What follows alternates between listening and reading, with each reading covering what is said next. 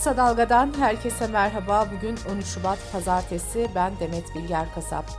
Gündemin öne çıkan gelişmelerinden derleyerek hazırladığımız Kısa Dalga bültene başlıyoruz.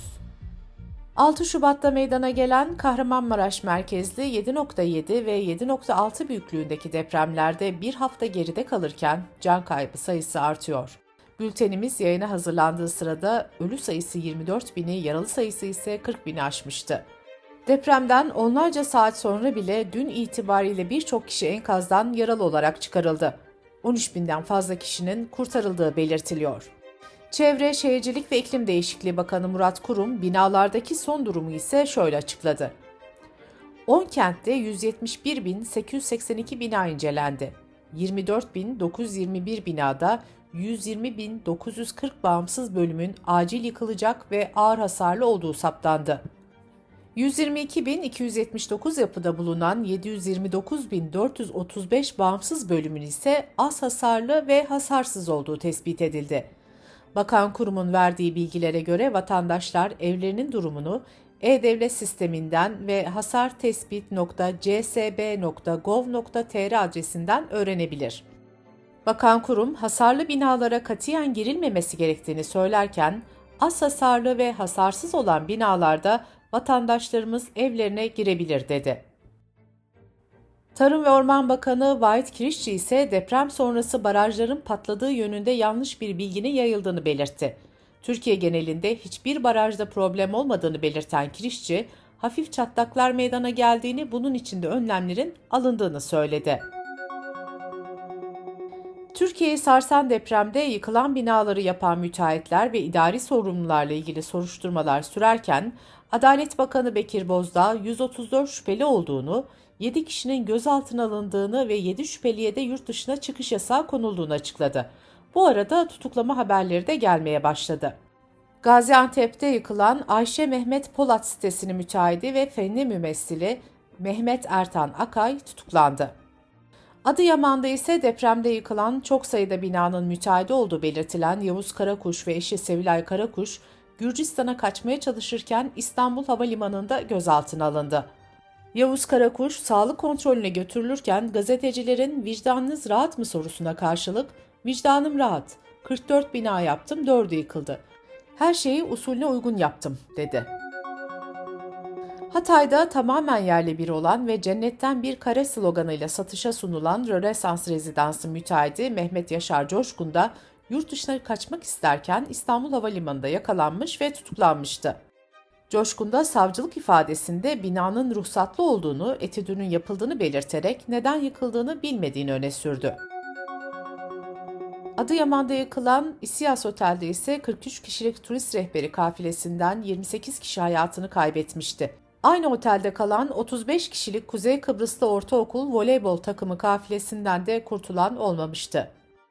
Türkiye Barolar Birliği ve KKTC Barolar Birliği İSİAS Otel ile ilgili suç duyurusunda bulundu.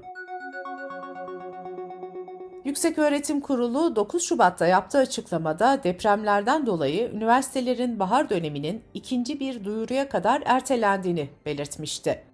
Cumhurbaşkanı Recep Tayyip Erdoğan ise cumartesi günü yaptığı açıklamada tüm üniversitelerde online eğitime geçildiğini, yurtlarda ise depremzedelerin kalacağını söyledi. Bu açıklamanın ardından yurtlarda kalan öğrenciler eşyalarını alarak yurtları terk etti. Ancak iktidarın bu kararına tepkiler geldi. CHP Genel Başkanı Kemal Kılıçdaroğlu Hatay'da incelemelerde bulundu ve üniversitelerin kapanmasına tepki göstererek şunları söyledi. Üniversitelerden, öğrencilerden ne istiyorsunuz? O yurtlar depremzede aileler için çok uygun değil. Sen devleti yönetiyorsan depremzedeleri otellere koy, bütün masraflarını karşıla. Eğitimin ne kadar önemli olduğunu, eğitimsiz bir toplumun nerelere sürüklendiğini bunlar bilmiyor. İyi Parti lideri Meral Akşener de üniversitelerde pandemi döneminde iki yılın uzaktan eğitimle geçtiğini hatırlatarak yetkililere uyarılarda bulunmak istiyorum. Lütfen bu işten vazgeçin dedi. Akşener yurtların barınma merkezi olarak kullanılmasına da itiraz etti ve şöyle devam etti. Depremzedelerin yurtlara yerleştirilmesi çok yanlış. Diyelim 6 kişilik odaya 6 kişilik bir aile götürün. Aile mahremiyeti ortadan kalkar. Ailenin kendi içindeki birlikteliği ortadan kalkar. Asla bu yapılmamalıdır. HDP'nin eski eş genel başkanı Selahattin Demirtaş da Twitter'dan şu mesajı paylaştı. Üniversiteleri kapatarak sadece yeni mağdurlar yaratmış olacaksın. Yurtları boşaltacağına sarayı boşalt. Profesör Doktor Selçuk Şirin de Twitter'da üniversiteleri kapatmayın çağrısı yaparak şunları söyledi. Bu sene mezun olacak gençler sadece bir buçuk yıl kampüse gitmiş olacak. Bu bir kuşağı kaybetmek demektir. Bunu yapmayın. Depremden etkilenen bölgelerdeki üniversitelere de kademeli öğretime geçiş, geçici kampüs ve yatay geçiş imkanı sağlanmalıdır. İnşaat İşçileri Sendikası ise büyük inşaat şirketlerine seslendi ve şöyle dedi. Karın bir kısmından vazgeçin, 2 milyona yakın boş konutu depremzedelere açın. Milli Eğitim Bakanı Mahmut Özer deprem bölgesindeki okulların 1 Mart'a kadar kapalı olacağını belirtti.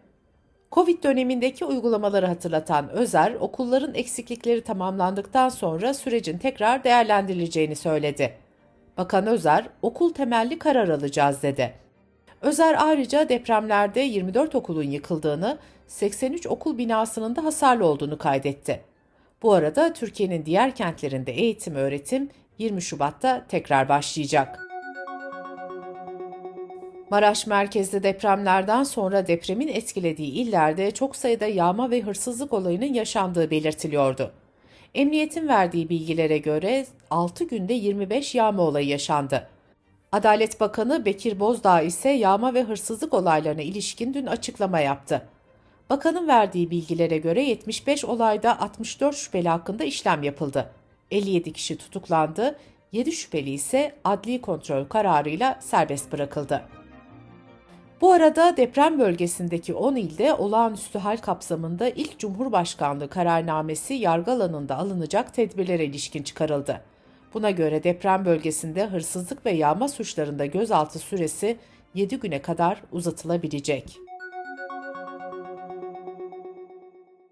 Yunanistan Dışişleri Bakanı Nikos Dendias dün Adana'ya geldi. Dendias'ı Dışişleri Bakanı Mevlüt Çavuşoğlu karşıladı.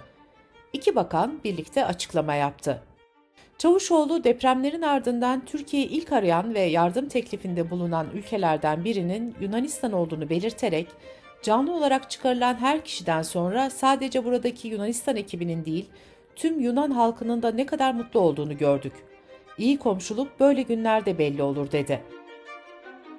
1999 yılında yaklaşık bir ay arayla hem Türkiye'de hem Yunanistan'da deprem olduğunu hatırlatan Çavuşoğlu, önce Yunanistan'ın Türkiye'nin yardımına koştuğunu, daha sonra da Türkiye'nin Yunanistan'a yardım ettiğini anımsattı. Çavuşoğlu sözlerine şöyle devam etti. Umarım görüş ayrılıklarımızı da diyalog yoluyla samimi bir şekilde ele alıp çözmek için çaba sarf ederiz. Yunan Dışişleri Bakanı Dendias ise Yunanistan hükümetinin Türkiye hükümetine ve halkına bu zor günleri aşması için verdiği desteğin burada bitmeyeceğini ve devam edeceğini söyledi. Almanya ve İngiltere ise depremzedelere vize kolaylığı için yeni adımlar attı. Almanya, ülkede yakını bulunan depremzedelere 3 aylık vize vereceğini açıkladı. İngiltere'de ise vize için imza kampanyası başlatıldı.